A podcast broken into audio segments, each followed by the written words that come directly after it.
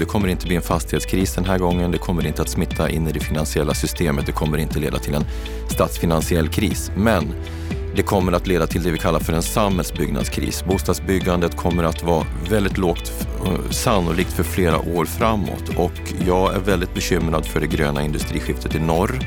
Om man överhuvudtaget ska få fram de bostäderna. Jag är bekymrad för arbetskraftsförsörjningen i de större städerna.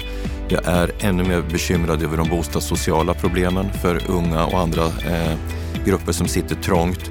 Och jag är väldigt bekymrad över att det politiska systemet är så illa rustat för att både analysera den här typen av problem som vi har nu, för det är en ny situation vi har, det har skett fundamentala förändringar. Och jag skulle nog säga att dagens politiker som inte har historiken av hur bostadspolitiken har designats historiskt är väldigt illa rustade att ta sig an den här situationen. Så att ja, jag är bekymrad. Ja, när Lennart Weiss analyserar den lågkonjunktur och den kris vi är inne i nu med 90-talskrisen så finns det saker som skiljer men det är också en hel del likheter. Han är mycket bekymrad för det här, menar han, kommer att leda till en samhällsbyggnadskris och påverkar hela samhället. Veidekke har nyligen gett ut en rapport som visar att det är en kollaps i bostadsbyggandet som vi har att vänta oss. Att vi har sju svåra år, att hela decenniet framför oss nu kommer att vara tufft. Om det läget, vad det betyder, vilka effekter det kommer att få, det ska vi prata om i dagens program. Och förutom Lennart Weiss, som ni ju känner som expertkommentator här i Bopolpodden, han är också kommersiell direktör på Veidekke. Förutom honom så har vi också med oss Hans-Åke Palmgren som är bostadsanalytiker på Boverket. Vad säger Boverket om den situation som vi befinner oss i nu? Detta samtal är intressant, är givande, något att lära sig av. Så varmt välkommen till ett nytt avsnitt av Bopolpodden. Det kanske inte är det mest optimistiska och positiva samtal som vi har haft, men viktigt. För det här är det läget vi befinner oss i. Och om politikerna ser till att arbeta på rätt sätt så ska det nog gå att lösa vissa delar av den här krisen. Varmt välkommen. Jag heter Anna Bellman.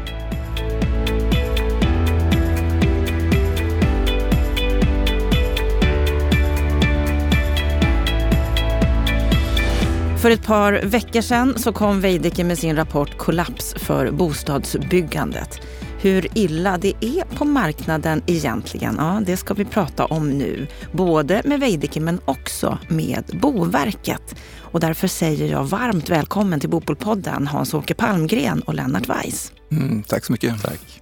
Och jag börjar med dig Hans-Åke. Du är bostadsanalytiker på Boverket. Vad är din sinnesstämning idag? Ja, men den är ju rofylld tycker jag. Det, det, är ju, vi är ju inne i våren, det är härliga tider och även ifall det är dimmigt, lite disigt idag så är det ju det, det är en bra stund på året. Ja, det är en härlig stund på många sätt. Och Lennart, du är ju kommersiell direktör på Veidekke, men framför allt så är du ju expertkommentator här i Bopolpodden. Ja, självklart, i den ordningen. Absolut. Vad är din sinnesstämning idag? Jo, men den är fin, fin. Eh, kanske inte lika rofylld som Hans-Åke, så det är mycket att göra, men eh, jag njuter av våren i samma mått njuter av våren, men det är mycket annat vi inte njuter av, bland annat marknadsläget. Och vi har ju benämnt det i otroligt många olika sammanhang, poddar, hur illa det är på marknaden. Och för några veckor sedan, Lennart, så kom ju ni med er rapport Kollaps för bostadsbyggandet. Och jag tänker vi djupdyker in i det direkt. Hur illa är läget egentligen? Eh, det är illa, det är väldigt allvarligt och eh, jag kan väl säga så här med mina dryga 30 år i den här branschen så har jag faktiskt inte varit med om ett sånt här snabbt, dramatiskt och brett förlopp som vi, vi eh, har nu sen i början på 90-talet. Jag satt på HSB då och, och, upplevde det här inifrån. Det finns skillnader mot 90-talet som jag tycker man ska påpeka på en gång. Det kommer inte bli en fastighetskris den här gången. Det kommer inte att smitta in i det finansiella systemet. Det kommer inte leda till en statsfinansiell kris. Men det kommer att leda till det vi kallar för en samhällsbyggnadskris. Bostadsbyggandet kommer att vara väldigt lågt sannolikt för flera år framåt och jag är väldigt bekymrad för det gröna industriskiftet i norr. Om man överhuvudtaget ska få fram de bostäderna. Jag är bekymrad för arbetskraftsförsörjningen i de större städerna. Jag är ännu mer bekymrad över de bostadssociala problemen för unga och andra eh, grupper som sitter trångt. Och jag är väldigt bekymrad över att det politiska systemet är så illa rustat för att både analysera den här typen av problem som vi har nu, för det är en ny situation vi har, det har skett fundamentala förändringar och jag skulle nog säga att dagens politiker som inte har historiken av hur bostadspolitiken har designats historiskt är väldigt illa rustade att ta sig an den här situationen. Så att ja, jag är bekymrad. Mm, och alla de här sakerna du nämner nu ska vi prata om i det här samtalet. Men, men först, många jag pratar med, bland annat chefsekonomer och andra menar att ja, 2023 är ett förlorat år, men 2024 då kommer ljusningen. De har fel. Och det beror på att de inte har gjort den typen av eh, fördjupade analyser som vi har gjort. Många av dem kan inte ens, eh, förstår inte så att säga, hur den här maskinen fungerar. Om vi tar det i kort sammanfattning så kan man säga så här. Det som har skett, det är ju, om man gör det väldigt enkelt, det är att gapet mellan produktionskostnader och hushållens möjligheter att efterfråga har ökat. Vi har fått ett prisfall på andrahandsmarknaden till följd av inflationsekonomin och fördyrade omkostnader för hushållen. Samtidigt har byggkostnaderna ökat. Det gapet gör att du inte får upp en kalkyl. Men det är inte det eh, mest, det är, det är inget särskilt märkvärdigt med att säga det. Det är de bakomliggande mekanismerna som är allvarliga. Hushållen har förlorat så mycket köpkraft att det kommer ta många år innan den köpkraften återställs i form av reallöneförbättringar. Hushållens finansiella eh, tillgångar har förändrats, även om börsen kommer att gå upp, för det kommer den att göra när räntorna faller tillbaka det kommer dröja innan de mekanismerna återställs. Den finansiella miljön har förändrats i grunden. Det kommer vara extremt mycket svårare att allokera kapital till rätt pris. Så där har du ägarmarknaden. På hyresmarknaden så har du eh, delvis en utbudsproblematik. Eh, Fastighetsägarna har drabbats av stigande kostnader. De kan de inte kompensera sig för via stigande hyror. Då faller driftsnettona. När det sker måste du skruva upp avkastningskraven. När det sker så faller belåningsgraden och därmed så påverkas ratingen. Därmed så finns det liksom inget incitament för fastighetsägare idag att sätta igång nya projekt som belastar balansräkningen. Man vill begränsa risk. Och till det så är eran med billiga pengar över. Det är slut. Det kommer, finansieringen kommer att fungera på annat sätt framöver. Och det gör, för att redan nu påannonsera det vi behöver prata om lite längre fram, det gör att det krävs helt nya verktyg för att få igång den här apparaten. Och det är inte politikerna rustade för att hantera just nu. Hans-Åke, när du hör Lennarts beskrivning här av bland annat då rapporten, vad de har kommit fram till, delar du den här pessimistiska bilden? Mm, alltså, det vi kommer långsiktigt att ha en betydligt högre räntenivå eh, än vad vi hade under lågränteperioden och det påverkar kalkylen absolut på lång sikt. Eh, vi kommer också under, under lång sikt att ha eh, betydligt högre byggkostnader än vad vi haft eh, under de här goda åren. Eh, och de här sakerna kommer ju även på sikt, även när hushållens ekonomi återhämtar sig, kommer ju att absolut påverka utvecklingen eh, av byggandet och hålla tillbaka det. I en artikel i Altinget från slutet på februari med dig Hans-Åke så läste jag att du säger att du börjar se en ljusning på bostads och byggmarknaden, bland annat i en bubblare bland byggmaterialen. Mm. Alltså det, det, är ju så här att eh, vi har haft en, en ökning av byggmaterialprisen på ungefär 30 procent på två år. Eh, och eh, det kom dels i samband med, med eh, pandemin och sen kom nästa våg i samband med kriget i Ukraina. Då. Eh, och eh, och det är ju bland annat eh, trävaror, det är stål som är energiberoende, transport och så vidare när det gäller byggmaterial eh, som har stigit. Men det vi har sett, vi såg och har sett är ju att eh, trävaror har i alla fall fallit en hel del i, i pris. Eh, jag trodde de skulle komma närmare eh, eh, eh nivån före eh, för pandemin än vad de har gjort. Men det är också andra varor som fortfarande ligger högt och vi har ju fortfarande vi har ju en sidledes materialkostnadsutveckling i stort sett. Nu är det andra faktorer som driver bygg, eh, byggkostnaderna och då är det ju inte minst räntekostnaderna, byggherrekostnaderna som har ju stigit med 50 procent det senaste eh, året och det är ju i stor utsträckning en följd av, av eh, de stigande räntekostnaderna. Om man tittar på era analyser så gör ju också ni på Boverket analyser när det gäller antalet påbörjade bostäder och här liknar ni ganska mycket varandra. Boverket, ni säger att i år kommer det att påbörjas 31 500 bostäder och Veidekke säger 29 000. Hur har ni kommit fram till de här siffrorna? Om jag börjar med dig Hans-Åke. Alltså vi gör ju en, både en top-down och bottom-up eh, beräkning på något sätt. Vi har ingen prognosmodell utan vi utgår ifrån, eh, vi utgår från vår bostadsmarknadsenkät till att börja med. Eh, och sen utgår vi ifrån för de förutsättningar vi ser på bostadsmarknaden i form av statistik när det gäller priser när det gäller eh, försäljning av bostäder, eh, in, av nyproduktionen. Och eh, bostadsmarknadsenkäten har ju varit en, en god plattform för våra prognoser, framförallt för hyresrätter. Och vi brukar försöka att korrespondera det här till, till, eh, till kommunerna i, i, någon mån i alla fall. Då. Men eh, i nuläget får man ju då framförallt kanske då basera sig på mer anekdotisk information. Man kan ju se försäljningen, att den har rasat. Man kan också utgå från, eh, eh, från vad vi får för beskrivningar av olika aktörer av utvecklingen. Och det, på det sättet bygger vi ihop vår prognos. Det, det, det är en kvalitativ bedömning av läget, medan i, i motsats till er prognos på Veidekke kan man säga. Mm. Mm, och hur kommer ni fram till era siffror? Vi har ju jobbat med en analysmodell i flera år som Veidekke ihop med Evidens har utvecklat eh, och, och, som ju bygger på att analysera det vi kallar för hushållens köpkraftiga efterfrågan. Så att vi analyserar eh, den möjliga efterfrågan i ekonomiska termer. Vi ställer samman så att säga hushållens disponibla inkomster, räntor, byggkostnader och så vidare. Den typen av fundamentala variabler och så gör vi då korreleringar där och, och då landar vi i de siffrorna. Så att, eh, men sen finns det ju alltid i slutändan utav eh, den här typen av prognoser ett mått om magkänsla och bedömningar. Det, det, blir så.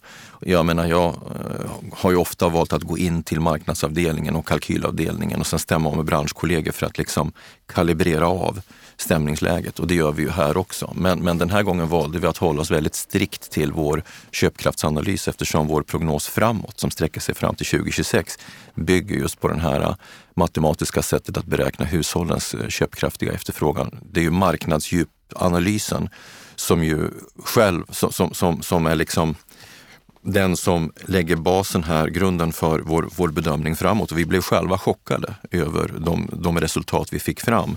Så vi är ju för vår del helt säkra på att eh, byggandet kommer att falla, bostadsbyggandet då kommer falla ännu mer nästa år och att det sker en, en svag förstärkning 2025 och som knappast förändrar sig särskilt mycket 2026. Så långt kan vi räkna. Men om inte någonting fundamentalt förändras i de omgivande förutsättningarna så bedömer vi att den här utvecklingen kommer hålla i sig i princip eh, decenniet ut. Och då pratar vi om sju svåra år. Mm, det, du det sa ju det här i, i podden för några dagar sedan. Då pratade du om sju svåra år och i er rapport så säger ni ju det att slutsatsen är att det har skett fundamentala förändringar som kommer att påverka bostadsbyggandet flera år framåt. Mm. Kanske rent av återstoden av det här decenniet. Mm. Och, och, och, om du läste Ulf Perbos krönika förra veckan som var väldigt välskriven så eh, beskriver han ju eh, ungefär samma förlopp. Han, han gör jämförelse med 90-talet och, och, han belyser ju också en sak som man ska komma ihåg här. Det här är en maskin som den, den är långsam att få igång. När den ska bromsa in så tar det också tid. Men när den bromsar in då uppstår det enorma skador i systemet rent finansiellt. För nu görs, görs det förluster, nu kommer det ske utslagningar och annat. Det kommer försvåra återhämtningen. Men, men, men eh, eftersom det är slut med billiga pengar, räntorna kommer att vara på en högre nivå, obligationsmarknaden kommer inte se ut som, som den har gjort det kommer föras in mer utav riskperspektiv eh, i fastighetsbranschen hos bankerna och det kommer drabba hushållen. Så, så kommer vi ha en, en eh, begränsning utav utbud och efterfrågan. Och då måste man, om man ska man navigera sig ur det här, eh, helt enkelt börja fundera på politiska åtgärder som antingen är riktade till utbud eller efterfrågan, eller helst både och. Och det är där jag upplever att det är närmast en handlingsförlamning. Så att kollapsen kommer att följas av handlingsförlamning och väl man får igång en diskussion om det här så kommer det ta lång tid innan de åtgärderna får effekt och det bekymrar mig kolossalt. Hans-Åke, vad tror du? Hur långt kommer vi att ha en nedgång? Hur långdraget blir det här? Har Lennart rätt i att vi har sju svåra år framför oss? Alltså vi, har inte satt, vi har inte satt ner foten. Vi har inte gjort så långsiktiga bedömningar. Vi brukar inte göra så långsiktiga bedömningar. Eh, och eh, vi har inte publicerat någon prognos som går längre än 2023 än så länge. Men om man tittar på vad ECB bedömer så, så ser man framför sig att ja, det kan bli en vändning 2025 ungefär, men att det är räntekostnaderna, byggkostnaderna, kreditrestriktionerna eh, som kommer att göra att det här blir, kan bli en långsam återhämtning. Samtidigt ser vi ju i prognoserna enbart för i år så är det ju ett spännvidd på 10 000 bostäder mellan olika prognosmakare. Eh, nästa år är spännvidden 20 000 bostäder. Eh, så att det här, klart, det här är ju en väldigt osäker materia mm. att bedöma.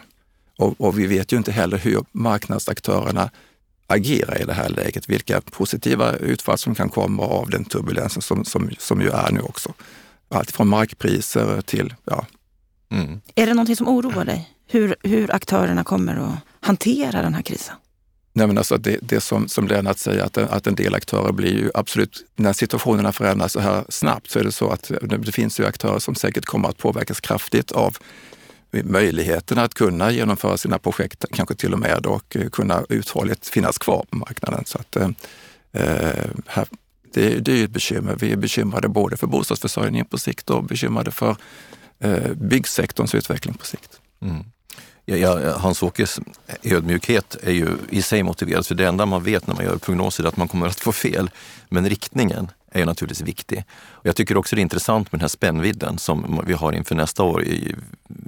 Vi tror ju inte alls på Boverkets, eller förlåt, på, på byggföretagens eh, tilltro till att det ska vända nästa år, utan och det bygger delvis också på anekdotisk information, för jag pratar med mina branschkollegor varenda dag och eh, de säger ju att skälet till att vi startar vissa projekt i år beror på att vi inte hann stoppa dem. Det betyder att man drar ännu hårdare i handbromsen Eh, när det gäller projekt som, som då har planerad byggstart 2024 helt enkelt därför att man måste ha en andhämtningspaus för att restaurera sina balansräkningar. Vi ska ju ändå ha klart för oss på, på den kommersiella fastighetssidan så är det många bolag som är pressade av att de har stora obligationslån som ska omsättas. Det är ingen bagatell och då tar man inte några nya eh, åtaganden som, som belastar balansräkningen. Projektutvecklingsbolagen Ja, hualigen. Alltså där är det ju panik på vissa ställen därför att du har under hösten fått tillbaka fler lägenheter än vad du har nysålt. Du närmar dig inflyttning. Du står med osålda lägenheter som du antingen ska köpa ut eller rabattera kraftigt. Om du ska köpa ut dem, då ska det belasta en balansräkning och om du ska rabattera så belastar det resultatet som i sin tur slår. Så att eh, man sitter i en enorm klämma. Det finns några få företag som är så finansiellt starka att de har kapacitet att köpa ut lägenheterna och så att säga hyra ut dem kortsiktigt. Men de flesta måste rabattera och det betyder att en del av dem kommer få enorma problem att helt enkelt överleva. Och den, den konsekvensen ser vi inte än, utan vi kommer att se de konsekvenserna fullt ut eh, Q4 i år. Då kommer projekten ha gått så långt i färdigställande att vi kommer se de fulla konsekvenserna. Men eh, ja, alltså jag kan bara säga att en del av kollegorna är eh, de är i en blandning av chock och panik. Och fort, nu ser vi ju ändå redan vissa konsekvenser när det gäller varsel, när det gäller konkurser. Så lite har vi börjat se. Ja, men, är det men, bara början? Det är bara början, men, men vi kommer ändå inte att... Om, om vi nu, nu får vi separera också lite därför att när vi pratar om projektutvecklingsbranschen och fastighetsbranschen så det är mest tjänstemannajobb. Byggbranschen, den jobbar ju med flera olika eh, verksamheter så att byggbranschen i stort mår ju ändå ganska bra tack vare det offentliga byggandet. Infrastruktursidan går bra och den kommer att eh, ha väldigt draghjälp av den gröna omställningen. Det är bostadsbyggandet i sig som drabbas. Och, och, då kommer det att drabba tjänstemannajobb där. Om du tar arkitektsidan, de får inga uppdrag överhuvudtaget. Där kommer du se enorma problem under resten av det här året. Sen har du olika teknikkonsulter och sen har du projektutvecklingsbolagen. Det är inga stora volymer, men det slår i en del av branschen där, där kompetensdensiteten är hög och slår du ut den kompetensen så tar det också tid att återhämta. Byggbranschen är ju numera beroende av väldigt mycket utländsk arbetskraft och minskar man där, där finns det ett dragspel. Men det sker volym. Men, men bostadsbyggandet, det är det vi ska fokusera på, för det får konsekvenser för AB Sverige. Det får konsekvenser för samhällsbyggandet. Det är det som är det verkligt allvarliga. Men du menar då att det övriga byggandet, när vi säger infrastruktur och offentligt byggande, det kan inte så att säga rädda situationen? Nej, det kan inte kompensera för det. Eh, det ser jag inte, utan jag ser ju själva hur vi gör anpassningar ehm, i, våra, i vår omsättning och så. För att rädda resultaten och det gör vi. Så att entreprenadbolagen kommer rida ut stormen. Det är projektutvecklingsbolagen, fastighetsbolagen. Det är de som och det är illa för AB Sverige? Ja. På vilket sätt? Jo men alltså här följer vi väldigt mycket Boverkets material. Jag tycker ni gör fantastiska analyser av den demografiska förändringen, vad arbetsmarknaden behöver och så vidare. Där följer vi fullt, helt och fullt Boverkets beskrivning av förhållandena.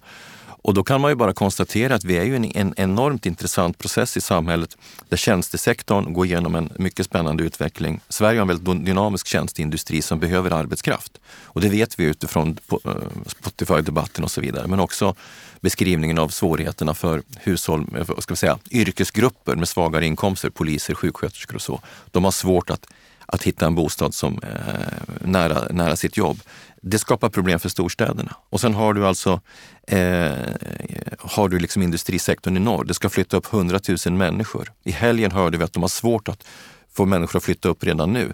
Och det beror på en rad olika skäl. Men det tas ändå investeringar där uppe nu. Hamnar infrastruktur, samhällsinfrastruktur eh, och så vidare. Den kalkylen bygger på att det uppstår skatteintäkter. Om inte bostäderna byggs och flyttar upp människor kommer inte de skatteintäkterna. Och då hotas hela det här industribygget. Och det här är ju ingenting som vi fattar beslut om om tio år. Det måste ske nu. Mm, allt är ett pussel där allt hänger ihop. Och ja. ni på Boverket, Hans-Åke, har ju målsiffror att det behövs 63 000 ungefär bostäder, nybyggda bostäder per år fram till 2030 för att svara mot det behovet som finns i samhället. Hur länge tror du att det går att hålla sig på 20-30 000? Mm, och till att börja med 63 000, det är ju för att vi också ska ta ifatt det underskott som eh, vi hade eh, från ja, 25, 26 eh, under en period när vi inte byggde alls lika mycket bostäder som vi, gjorde, vi borde göra i förhållande till befolkningstillväxten. Eh, så att givet befolkningstillväxten behöver vi kanske då bygga strax under 40 000 bostäder om året. Och sen är det förstås så att på kort sikt så har ju tillförseln av bostäder har ju väldigt liten effekt på den totala bostadsstocken. Det utgör ju ungefär 1 procent per år eh, i tillväxt. Eh, och, i, i, och det får ju olika effekt på, beroende på vad vi, vad vi tittar på. Tittar vi på eh, industriorterna i, i norr, eh, då är det klart att där behöver man bygga, bygga mycket bostäder i förhållande till Eh, till, till beståndet. Så där får du en, en inbromsning, en, en helt annan eh, effekt på, eh, på eh, situationen än vad, den, vad man får i, i Stockholmsregionen eller någon annan eh, stad där vi kanske bara mer, vi behöver öka i en lite långsammare takt. Vad får det för konsekvenser? Ja, för, för de här industriorterna så har ju den här situationen med, eh, med stigande räntor och stigande byggkostnader, det har ju, det har ju kommit väldigt olägligt förstås. Jag kan ju inte bedöma konsekvenserna, men man behöver bygga här och nu. Eh, så att eh, eh, det är klart att det här, det här sitter man säkert och funderar på i, i de här orterna. Tittar vi på tillväxt och rörlighet eh, av bostadsbyggandet så är ju de studier jag gjort, det, det, det är väl så att på Eh, eh, på kort sikt i alla fall så får ju inte kanske ett, ett ökat bostadsutbud så stor effekt på, eh, på, på den ekonomiska tillväxten eller på rörligheten. Det kan ju vara andra saker som har fått större effekt som till exempel andelen hyresbostäder i, i beståndet. Men det är också så att vi har inte bara bostadsbyggnadsfrågan, vi har också det här att boendekostnaderna stiger med de stigande räntorna. Eh, och då är det ju framförallt till att börja med ägare och bostadsrättssektorn. Och det, och det är ju komplikationer i sig för de som ska flytta in på en, på en, på en ny marknad. Eh, om, om man får ytterligare höjda boendekostnader så, så försvårar det möjligheten att flytta förstås. Mm. Ja, du pratar Lennart här om samhällsbyggnadskris. Det här försvårar möjligheten att flytta. Det ser lite olika ut vad det är för typ av, av boendeform. Det är svårt i de här städerna som verkligen måste växa.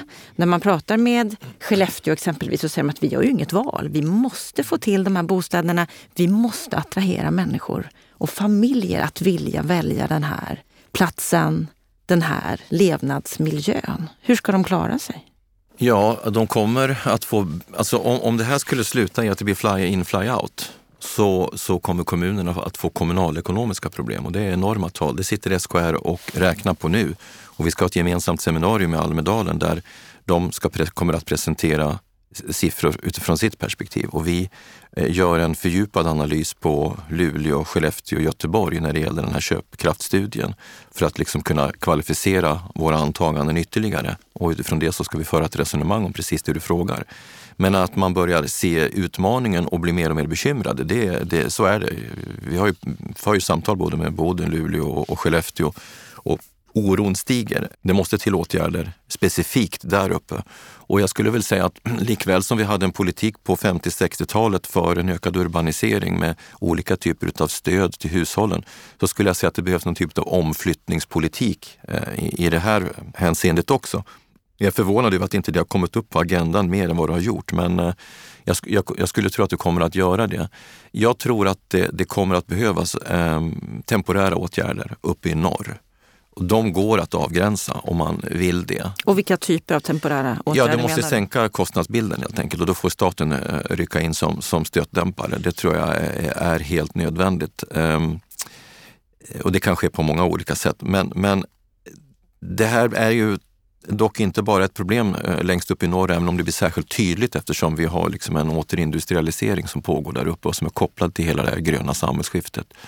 Eh, det är också ett problem i resten av landet och jag skulle säga så här att vad vi nu behöver ha, det är en politik i två faser. Vi behöver ha en politik här och nu för att i möjligaste mån, i varje fall på marginalen, få upp fler kalkyler.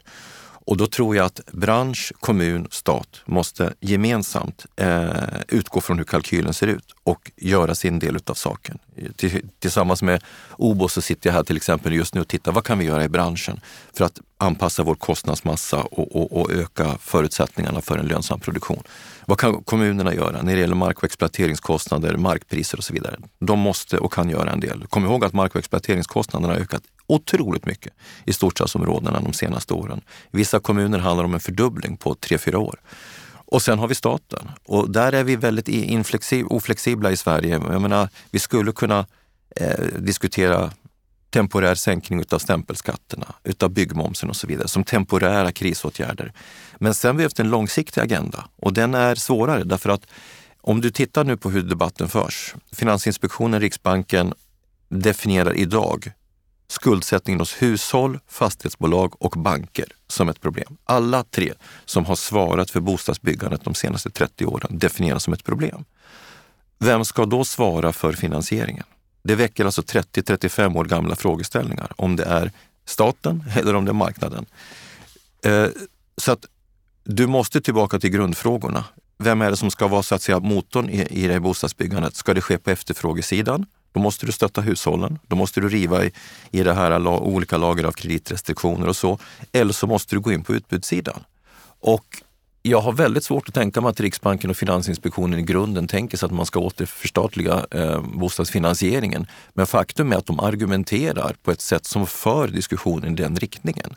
Och det är som jag kan bedöma en politisk återvändsgränd. Så att, eh, jag brukar svara när politikerna frågar mig. Det finns ett högerklassiskt högersvar på det här, det finns ett klassiskt vänstersvar. Problemet är att ingen av de svaren vill någon av sidorna ta i. Vad säger du om Lennarts resonemang här? Jag skulle kunna addera en del här och det handlar ju om bostadsutvecklarnas finansieringssätt. Att man, eh, sälj, att man baserar finansieringen på att det är en stor andel bokade i ett eh, tidigt skede, vilket gör att man får möjlighet att få lån. Och den här maskinen har ju hackat ett antal gånger. Så fort vi får en, en, en nedgång i konjunkturen så hackar det här och eh, de, de långa ledtiderna mellan beställningstidpunkten och eller att man skriver under kontraktet och det man faktiskt flyttar in eh, skapar ju en osäkerhet i, i situationen som nu då med stor osäkerhet, inte bara för bostadspriserna utan också i, i, ja, var bostadsmarknaden är på väg. Så det är ju en fråga man också skulle adressera. Mm.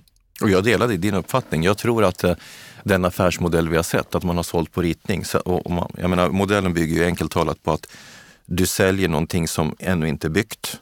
Eh, när du har sålt 50 procent, eller det kan vara 70 eller 80 procent i nuvarande marknad, då får du byggkreditiv. Det vill säga, då kan du starta bygget och sen säljer du resten i, i, i, i lugn takt. Det betyder ju att de som jobbar med projektutveckling på VRF-sidan, de jobbar ju egentligen med kundernas pengar. Och den affärsmodellen har väldiga problem just nu. Alternativ till den affärsmodellen det är ju att företagen Eh, antingen binder mer eget kapital och det är de inte rustade för. Då finns ett annat alternativ och det är att man på något sätt skulle kunna låna upp det kapital, det vill säga någon annan är bank. Och jag tror att vi måste in i den sortens frågor. För, så, för jag delar helt Hans-Åkes uppfattning att affär, den här affärsidén så som den ser ut, den kommer att ha betydande problem framåt. Men det går inte att lösa väldigt, väldigt, på väldigt kort sikt. Det finns egentligen bara tre bolag i Sverige som har förutsättningar att bygga på egen bok i någon rimlig omfattning och det är OBOS, JM och Riksbyggen. Och de är ju, om de skulle tvingas till det så skulle de bli ännu mer riskaverta än vad de är idag. Därmed skulle volymerna dras ner. Så då är vi åter tillbaka. Vem ska, vem ska ta risk och hur ska riskfördelningen se ut? Det har vi inget svar på. Och då är jag ju nyfiken, Hans-Åke, vad är, vad är Boverkets roll i den här situationen som vi befinner oss i nu? Men vår roll är ju främst, främst att, eh, att analysera eh, situationen på bostadsmarknaden eh, genom, genom de indikatorer vi har, att fortsätta med byggprognoserna, vår Eh, bostadsmarknadsenkät, vår eh, statistik över bostadsbrist och så vidare. Att följa utvecklingen och den vägen signalera in i systemet vad olika förhållanden när det gäller byggande, när det gäller bostadsförsörjning är på väg. Det är den främsta rollen. Och jag tänker att det är många som lyssnar på er. Kan ni vara ännu tydligare och skarpa med att här behövs det verkligen krisåtgärder? Det här tänker jag i första hand, det vi kan göra är att beskriva situationen, men, men lösningen här tänker jag i första hand är, det är en fråga för det politiska systemet. Eh, det är en fråga för kommunikation mellan aktörerna på bostadsmarknaden eh, och eh, kommunerna. Om vi tittar på de olika boendeformerna, för det har du bland annat varit inne på Lennart, att det kan skilja sig lite åt oavsett alltså om det är liksom en hyresboende eh, eller om det är det ägda boendet. Hur påverkas de olika boendeformerna? Kommer vi se någon skiftning i vilka typer av bostäder som prioriteras i det här läget? Ja, alltså bekymret här och nu, det är att eh, du har alltså förändringar i, i, den grundläggande, eh, i de grundläggande förutsättningarna som påverkar samtliga tre upplåtelseformer. När det gäller villaboendet så har ju det legat på väldigt låga nivåer i många, många år och egentligen så kan man säga att sen, sen eh, bolånetaket infördes så har ju, eh, har, har ju antalet nya småhus varje år faller ner på en lägre nivå än tidigare. Helt enkelt beroende på att småhus typiskt sett efterfrågas av 30-35-åringar som ska sätta eh, eget bo. Och, och, jag minns ju själv när jag var försäljningsansvarig på Veidekke Bostad att här i, storstäd, i Storstockholms periferi så byggde vi mycket småhus till den gruppen och de försvann över en natt när, när, när bolånetaket infördes. Så att där har inget förändrats och eh, nu har de finansiella villkoren blivit ännu mer besvärliga. Jag noterar ju att regeringen vill främja byggandet av småhus, men man kan säga att om du ska få ihop kalkylen för en bredare marknad så måste du bygga de småhusen i ganska attraktiva miljöer. Längre ut så finns det ingen marknad för dem. Eh, så att det är väldigt svårt att se hur, hur det byggandet skulle komma igång på kort sikt. Och när det gäller bostadsrätter och hyresrätter så, så har du specifika problem som jag delvis redan har berört. Men jag är, väldigt, jag är helt säker på att att antalet hyresrätter kommer att minska i minst samma omfattning som på ägarmarknaden. Den bilden hade vi inte förr. Och det aktualiserar behovet av någon typ av stöd. Nu tror inte jag att till exempel investeringsstöden som de såg ut hade varit rätt lösning i det här läget. Men att att det kommer att behövas någon typ av stöttning som minskar risken alternativt hyvlar produktionskostnaden så att du får ner hyresnivån. Det är helt uppenbart, för när du räknar på en produktionskalkyl idag på hyresrätter med dagens ränteläge, då kommer du alltså upp på hyresnivåer på 2500-2700 per kvadrat. Det innebär översatt till, till en, en vanlig eh, månadshyra 17 till 20 000 för en trea det är ju, vem, vem, ursäkta mig, vem är dum nog att sätta sin sån? Du, det är alltså hushåll som behöver snabbt en lösning och sen ska de omlokalisera och då ska de omlokalisera sen till ägarmarknaden som är stängd därför att halva befolkningen är kreditransonerad, eh, kreditbegränsad. Så att eh, alla tre upplåtelseformer kommer att drabbas och de bakomliggande aktörerna som då ska vara motorn för att bygga. För vi har ju byggt bostadspolitiken sedan 1993 på att det är marknaden som ska driva bostadsbyggandet. Efterfrågan drivs av marknaden. Den modellen har enorma problem och kommer ha enorma problem ett antal år framåt. Vad är er analys av, av de olika boendeformerna och, och, och, hur det kommer att se ut framåt nu? Nej, men när det gäller villabyggande i storstadsregionerna så tänker jag att vi har ändå fått en förbättrade förutsättningar i och med möjligheterna till hemarbete, eh, vilket då möjliggör att man kan bo mer avlägset och eh, från sitt jobb och jobba då och då och därmed kanske komma i, i, få tillgång till billigare mark för bebyggelse. Så här har vi ändå en, mm. en fördel jämfört med tidigare. När det gäller bostadsrätts och hyresrättsbyggandet så, är, så, så är, kan man ju se att det finns olika uppfattningar om, om vilket som kommer att eh, eh, påverkas mest av den här situationen. Jag, jag är nog inne på din linje Lennart, att det här kommer att, att bli svårare för hyresrättsbyggandet än för bostadsrättsbyggandet av de skäl som du, svår för båda men svårast för hyresrättsbyggandet.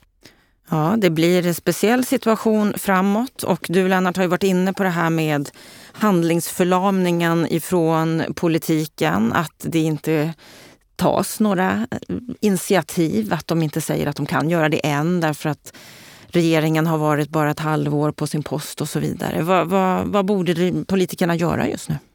Ja, det första man ska göra i det här läget är att göra hemläxan. Så att eh, när jag eh, drog slutsatsen av våra rapport för Andreas Karlsson här i samband med ett seminarium för en par, tre veckor sedan, så sa jag så här att jag, jag förstår att du inte kan grunda eh, policy, regeringens policyåtgärder på eh, en analys som ett kommersiellt företag har gjort. Men jag sa till honom, skicka rapporten till Hans-Åke Palmgren på Boverket så han får validera vårt sätt att analysera det här. Han behöver ju inte komma till samma slutsatser utan har vi, har vi benat i problemställningen på ett korrekt sätt? För allting, eh, och det skulle hjälpa eh, ganska långt därför att allt börjar med en korrekt och välgjord nulägesanalys. När du har läget klart för dig och kan börja bedöma vad som kommer att ske framåt, även med det stora spann som du har med i olika bedömningar, så, så börjar du förstå problemet. Och där måste man börja. Det har jag sagt till, till Eh, Socialdemokraterna också som jag träffat ett par gånger.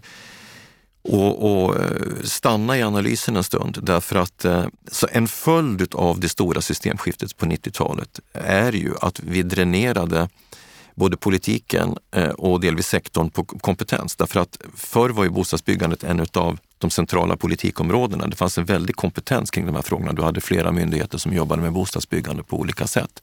Det är avvecklat därför att man, man överlämnade frågan till marknaden. Därmed så finns det ingen historik. Det finns inga erfarenheter av hur man gjorde. Man är tämligen illa rustad eh, för att möta den här sortens problem och, analysen av hur andra länder gör är inte särskilt eh, framträdande heller. Så att eh, det är ganska mycket intellektuellt arbete som behöver göras. Och väl där så skulle jag säga att du måste antingen skruva upp den typen av åtgärder som du har vidtagit under de senaste åren. Det blir lite mer lappa och laga då. Det kan man göra under under en kortare tid och det tror jag behövs som krisåtgärder. Men sen måste det till mer långsiktiga principiella svar och då pekar jag bara på att det finns ett historiskt vänstersvar på det här, det finns ett historiskt högersvar.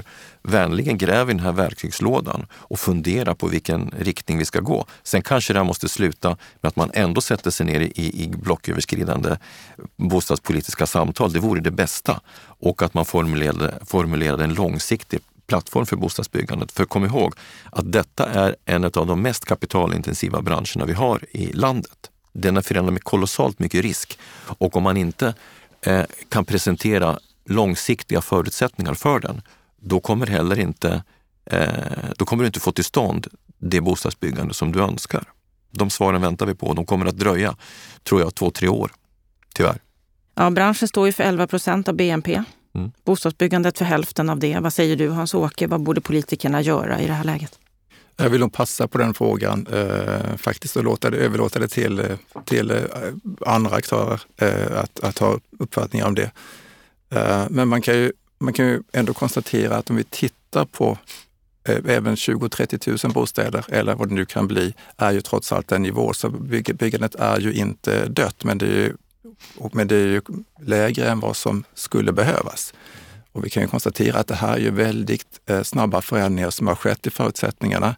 Det ser ut att bli en långsiktig åtstramning av förutsättningarna, men det är också väldigt svårt att, att se vad som, vad som kommer att komma ut när dammet har lagt sig på andra sidan av de, av de åtgärder som olika aktörer kan komma att, eh, att, att göra. Det har jag ett önskemål faktiskt till Boverket. Därför att när vi säger att det kommer att byggas ändå säg 25-30 000 bostäder så är ju det i termer av det mått som vi mäter det på, startbesked. Och jag skulle nog säga att det finns en risk för en synvilla här nu. Därför att företagen vill ändå fortsätta att göra affärer. De, de, de, framförallt de som tror på en uppgång om två, tre år, de är benägna att gå in och, och jobba med, fortsätta jobba med, med eh, detaljplaner och därmed driva processen fram till startbesked och bygglov. Men där stannar det. Och jag kan säga så här, helt öppet, vi har 11 projekt i start 1-fas just nu. Det ser väldigt mörkt att få över någon av dem i, i, i fas 2. Så ser det ut hos väldigt många bolag, vilket betyder att här kommer det att ställas ut startbesked, men spaden kommer inte att komma i marken. Så jag skulle ju önska att Boverket till exempel valde ut 20 kommuner de 20 största, säg fem av de fem landsbygdskommuner och nästan vecka för vecka mätte vilka projekt kommer igång? Hur många enheter är det? För att se hur det faktiska byggandet ser ut. Jag är nämligen rädd för att det som ser ut som 25 000 påbörjade bostäder kanske är 12 000 bostäder. Och då ökar dramatiken. Vad säger du om det, Hans-Åke? Ja, men det finns ju en problematik i det eh, sättet som vi, som vi mäter eh, bostadsbyggandet på idag, absolut. Eh, och, så, och eh, vid sådana här situationer med en kraftig åtstramning eh, som vi ser så är det förstås ett bekymmer att vi inte har bättre data än vad vi har. Det är ju uppenbart och det, det får ju betydelse också för konjunkturprognoserna i stort, om man inte har en uppfattning om, om vart vi är på väg. Så att bättre mått för den faktiska byggaktiviteten hade ju varit önskvärt i det här läget.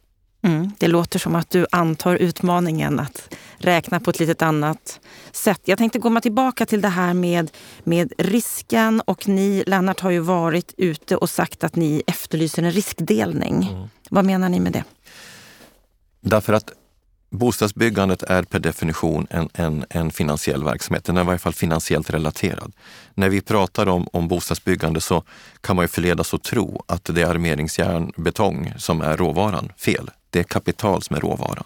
Och eftersom kapital då eh, är förknippat med risk och vi har en, en, en, en nästan som en etablerad eh, grundsanning i debatten att det är för, förknippat med eh, ska säga, risk för, för den finansiella stabiliteten. Om hushållen har eh, höga lån, om fastighetsbolagen är högt belånade, om bankerna är, är i väsentlig utsträckning exponerade mot eh, bostadslån och fastighetsbolag.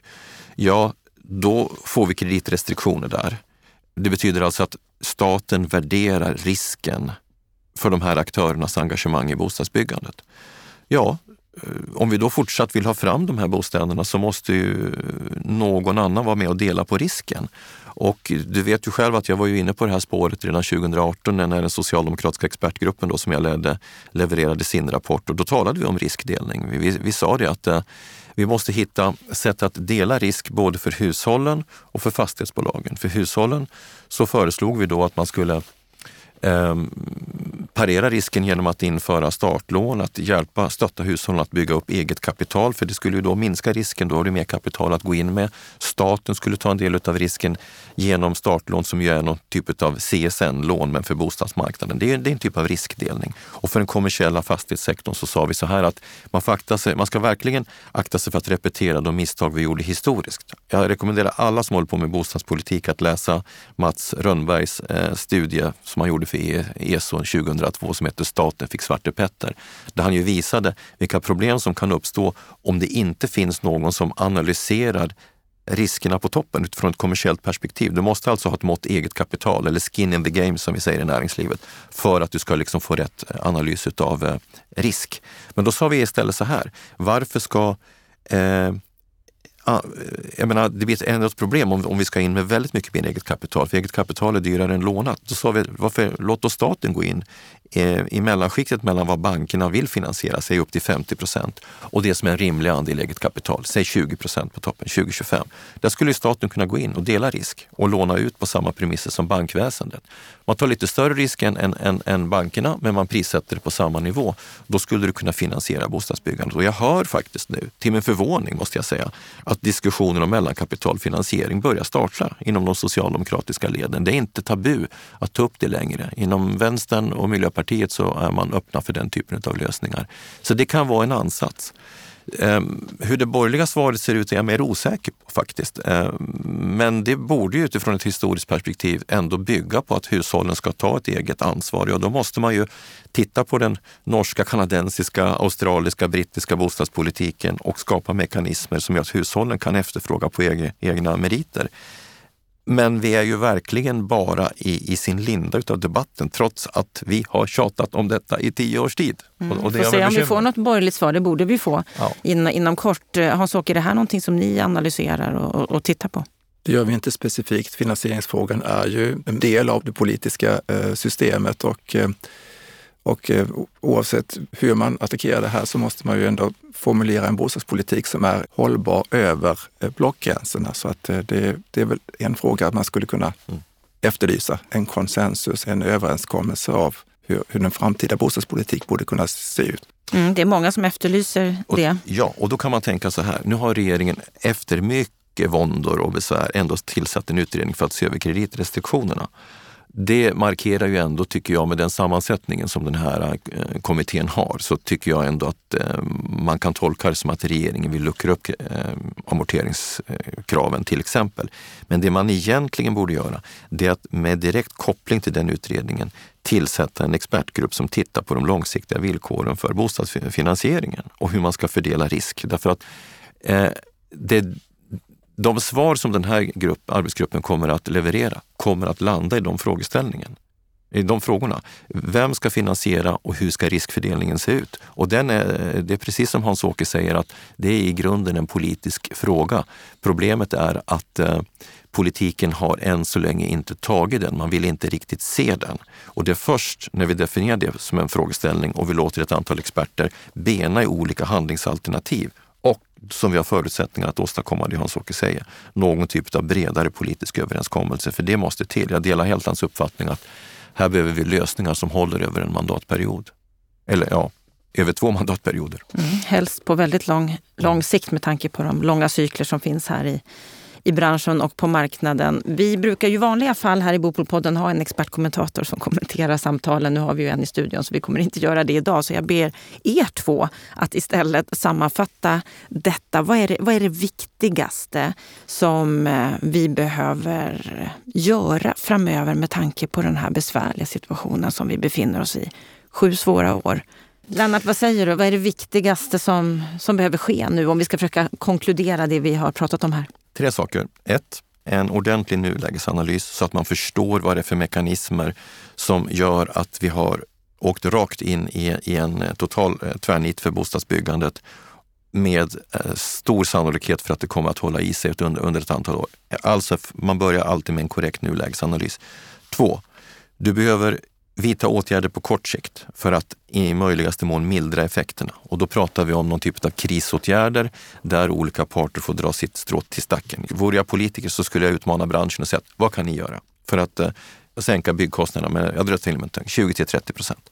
Jag skulle utmana kommunen och säga, vad kan ni göra för att eh, förändra förutsättningarna för nya projekt genom att se över mark och exploateringskostnader, eh, alltså avgifter utav olika slag, markpriser. Och med, den, med det som då återstår så uppstår ett beting för staten. Vad kan staten göra? Och staten har ett antal verktyg att vidta. Det finns ju mer ingripande åtgärder som att ge sig på till exempel byggmomsen. Det krockar med EUs eh, momsdirektiv, men det finns ändå som jag förstår ett utrymme att göra temporära åtgärder. Så vi pratar alltså om en kortsiktigt om en krispolitik. Och sen så handlar det om att eh, titta på lite längre sikt och då behövs det helt enkelt en, en, en, grupp experter som sätter sig ner och värderar de grundläggande handlingsalternativen för bostadsbyggandet med utgångspunkt ifrån just riskdelning. Och den riskdelningen måste ha till syfte att säkerställa förutsättningarna för ett fungerande samhällsbyggande. Hans-Åke, från, från ditt och Boverkets perspektiv, vad är viktigast nu? Men det viktigaste från vårt perspektiv handlar väl om att fortsätta att följa och analysera utvecklingen, att sprida den, de bedömningar vi gör kring, kring läget och den långsiktiga utvecklingen av byggandet. Och de, de möjligtvis konsekvenser som skulle kunna uppstå om vi får en långsiktigt eh, låg eh, byggtakt. Och det ser ju ut som att vi får. Det finns ju en, en del saker som, som talar i den riktningen. Onekligen gör det så. Och då efterlyste du bland annat blocköverskridande åtgärder ifrån politikerna. Där är ni rörande överens. Det duger inte att nu sitta med armarna i kors och vänta. Analysen behöver göras, åtgärderna behöver in både på kort och lång sikt. Gärna blocköverskridande. Stort tack till Hans-Åke Palmgren och Lennart Weiss för att ni var med här i Bopolpodden. Vi är väldigt glada för att ni var här. Jag är också väldigt glad till dig som lyssnar på podden. Fortsätt att göra det. Sprid gärna denna podd och eh, gå gärna in på bostadspolitik.se och anteckna dig för vårt nyhetsbrev. För både tisdagar och fredagar, då får du en sammanställning av vad som har hänt på marknaden. Och på fredag, då är vi tillbaka igen med vårt nyhetsprogram Veckans Aktuellt. Så jag hoppas att vi hörs då. Må så gott!